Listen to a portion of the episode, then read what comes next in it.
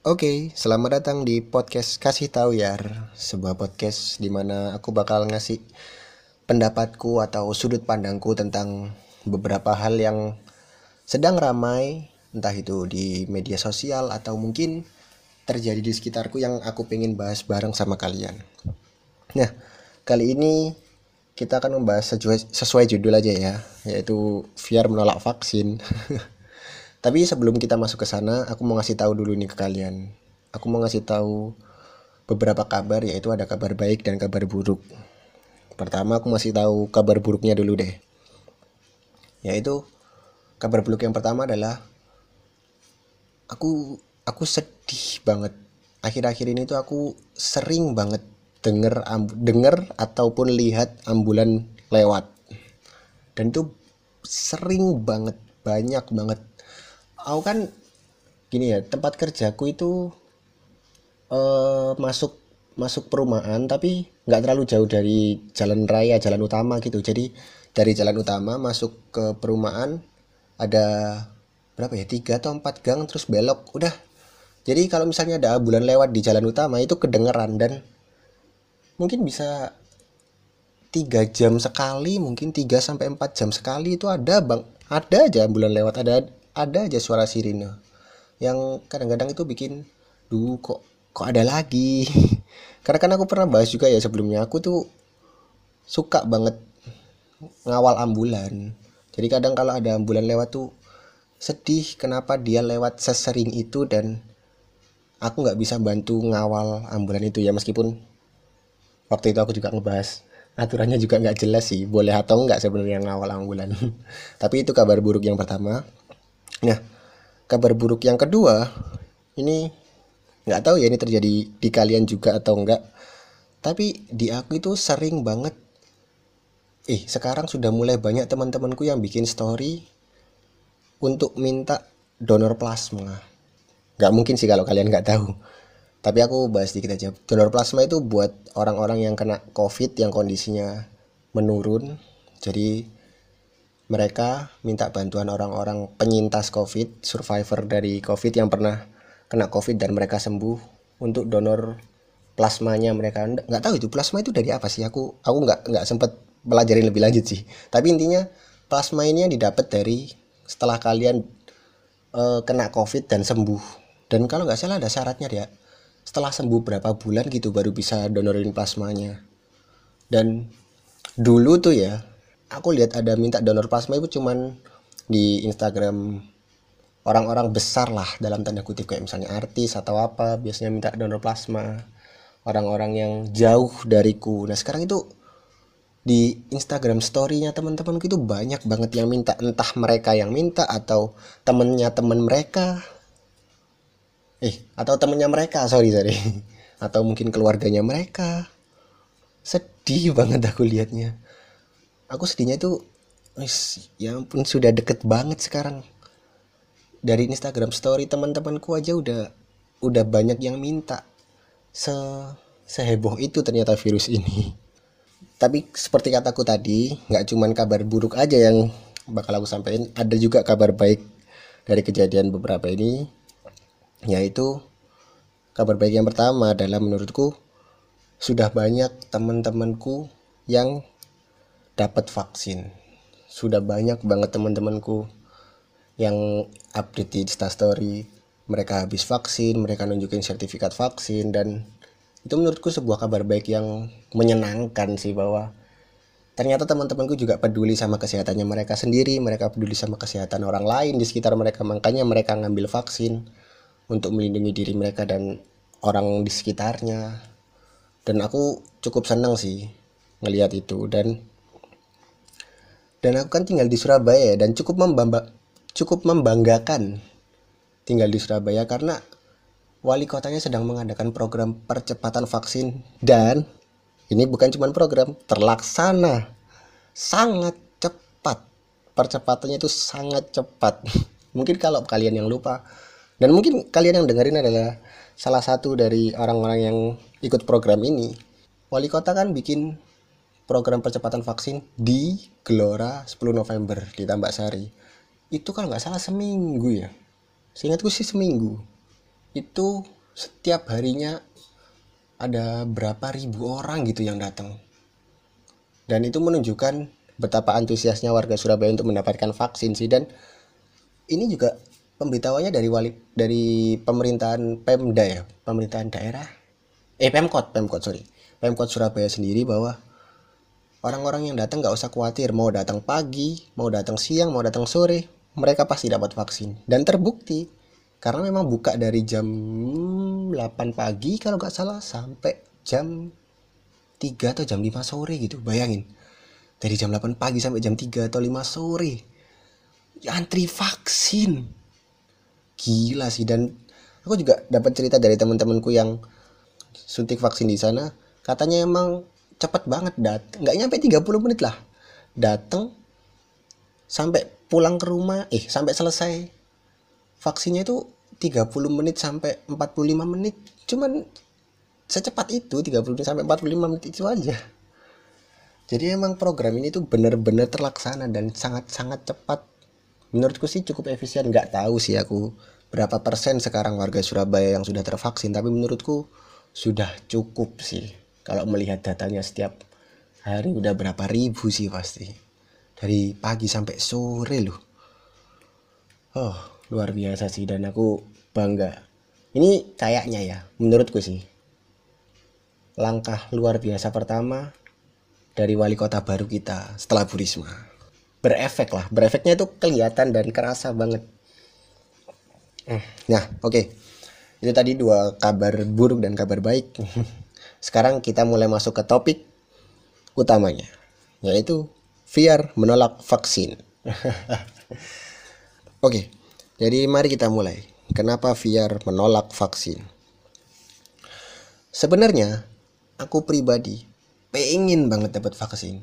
Sangat sangat sangat pingin dapat vaksin. Bahkan aku sudah dapat antrian vaksin dari sebelum ada pro program pemercepatan ini. Kalau nggak salah tanggal sebentar aku cek dulu ya. Hmm betul. Aku udah dapat antrian dari Juni.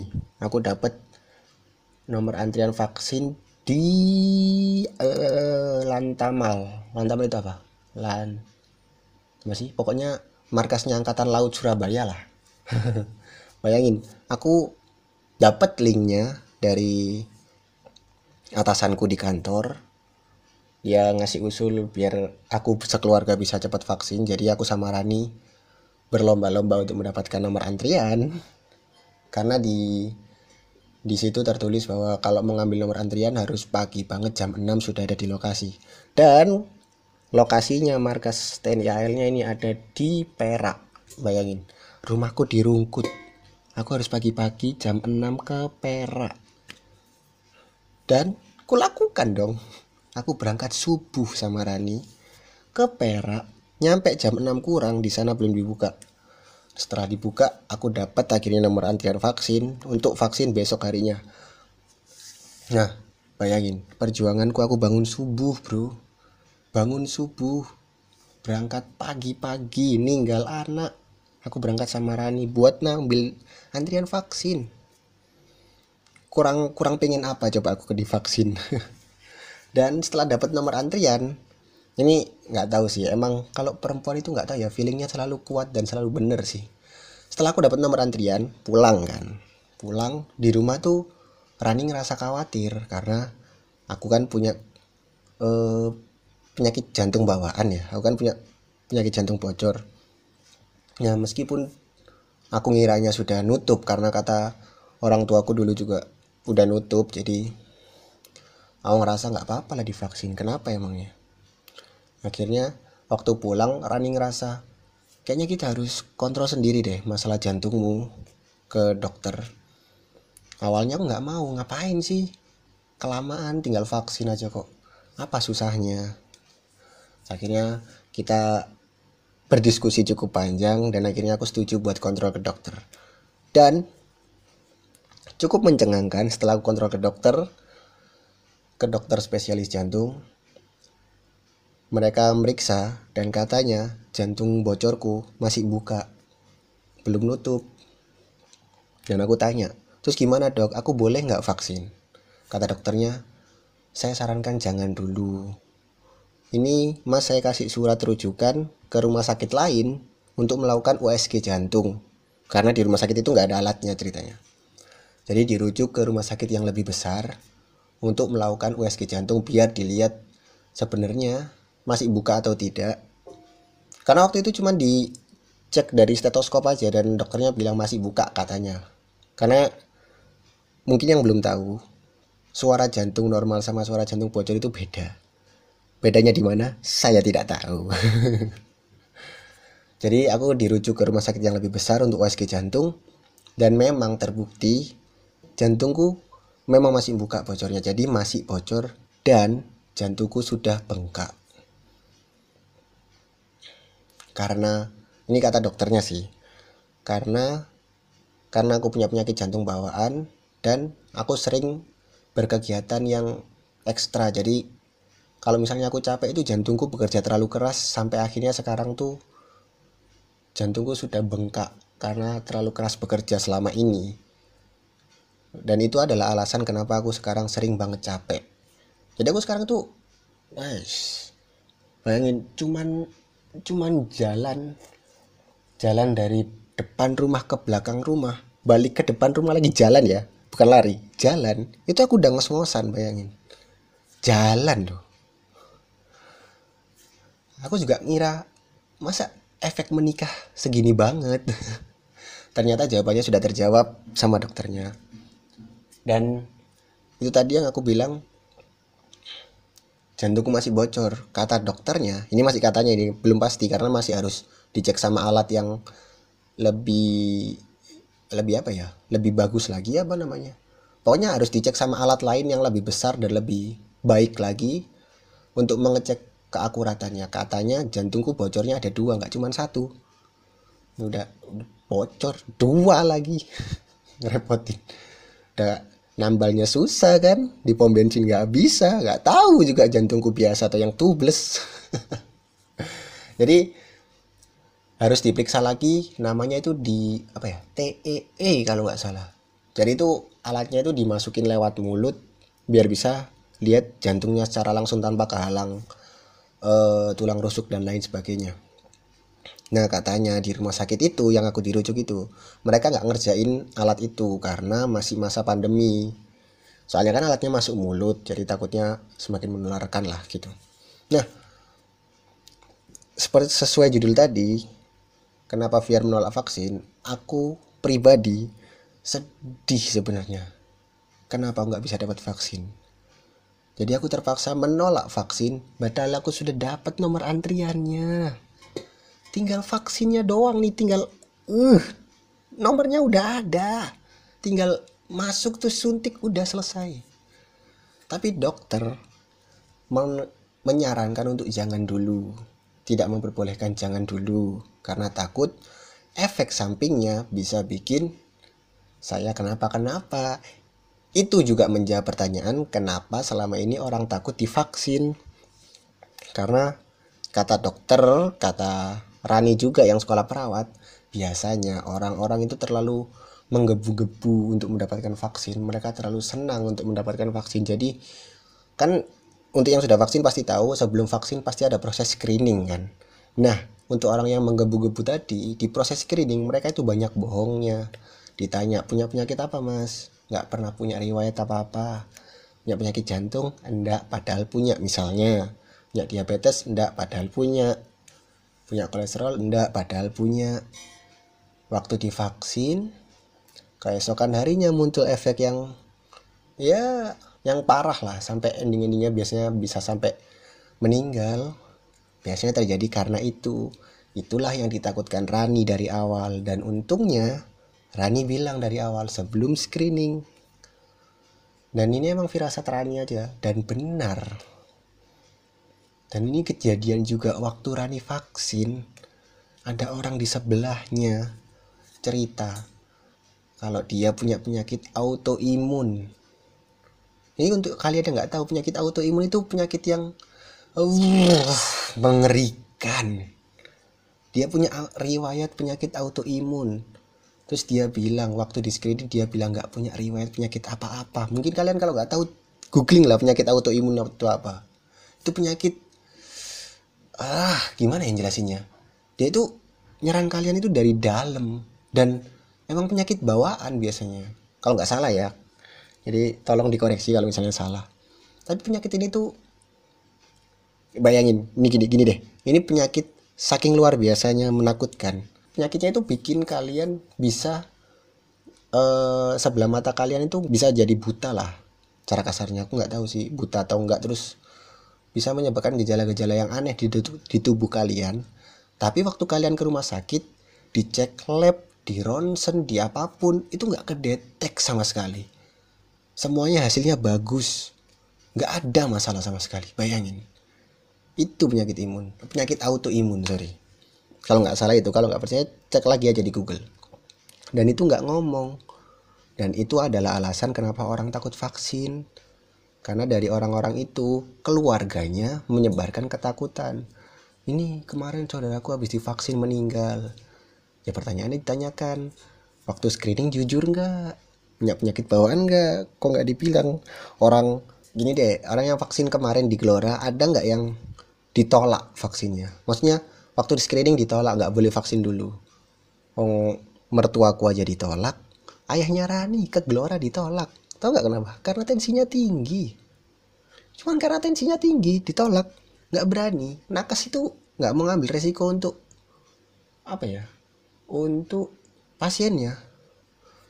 Jadi cuman karena tensinya tinggi nggak mau disuntik nggak berani. Lah ini kalau misalnya kalian punya riwayat penyakit ya ngomong dong kita itu nggak ngebolehin bukan karena kita nggak mau nyuntik. Karena kita kasihan kalau misalnya kita nyuntik.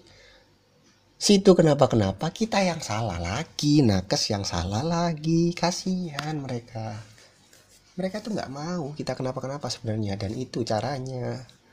Jadi tolong nih buat kalian yang belum vaksin misalnya dan kalian masih takut nggak apa-apa jujur aja. Kalian punya penyakit apa? Atau mungkin mungkin nih kalian konsul langsung ke dokter dokter umum lah sebelum ke tempat vaksinnya. Kontrol dulu. Dok saya minta tolong dok saya diperiksa saya dikontrol saya ada penyakit apa nih kira-kira? Setahu saya sih saya nggak punya riwayat penyakit soalnya saya mau vaksin. Bilang gitu aja nggak apa-apa. Terus kalau sudah tolong minta surat keterangan sehat bahwa saya boleh vaksin. Orang aku niat awalnya juga cuman gitu Rani itu bilang ke aku cuman gini udah yar. Ikut aja ke dokter cuman minta surat yang menyatakan bahwa dokter membolehkan kamu vaksin meskipun kamu punya penyakit jantung. Udah gitu aja. Tapi dokter nggak berani. Ya itulah. Ya itulah keju apa pentingnya kejujuran saat screening. Karena daripada kalian yang kenapa kenapa ya kan? Soalnya kadang aku sedih lihat orang yang nolak-nolak vaksin yang takut sama vaksin padahal ada orang yang berjuang untuk vaksin tapi nggak bisa divaksin. Kayak aku aku ini sedih tau nggak sih? Nggak dapat vaksin tuh aku sedih. Aku tuh jadi ngerasa kayak orang yang mengambil peran untuk tidak segera menghilangkan virus ini dari muka bumi karena aku nggak bisa divaksin. Padahal aku mau. Makanya buat kalian yang masih takut sama vaksin saranku mending tanyakan ke dokter kira-kira kalian bisa nggak divaksin? Kalau misalnya dokter bilang bisa dan menyanggupi mending kalian divaksin. Bukan cuman untuk kalian deh untuk orang-orang di sekitar kalian. Kalau misalnya ada orang-orang kayak aku yang punya penyakit jantung bawaan atau punya penyakit yang lain penyakit bawaan yang lain yang mereka nggak bisa vaksin tapi akhirnya mereka terlindungi dari circle-nya yang kena vaksin. Jadi kayak aku nih aku emang belum vaksin tapi Rani sudah. Mertuaku sekarang dua-duanya sudah. Ibuku sudah. Jadi di circleku sekarang kebanyakan sudah vaksin semua. Jadi untuk melindungi orang-orang kalian yang punya imun rendah seperti aku misalnya yang punya penyakit bawaan untuk melindungi mereka lah. Gak usah mikir diri sendiri dulu lah melindungi mereka aja. Oke sekian dulu dari Fiar terima kasih sudah mendengarkan podcast kasih tahu Yar dan kalau misalnya kalian ada saran-saran untuk aku bahas tentang hal lain bisa langsung DM aku aku ada di Instagram ada di Twitter at Febrian bisa langsung DM kasih aku topik yang menarik untuk aku kasih pandanganku atau untuk aku kasih pendapatku tentang masalah itu. Oke, karena sudah kepanjangan kita tutup dulu. Terima kasih sudah mendengarkan. Bye.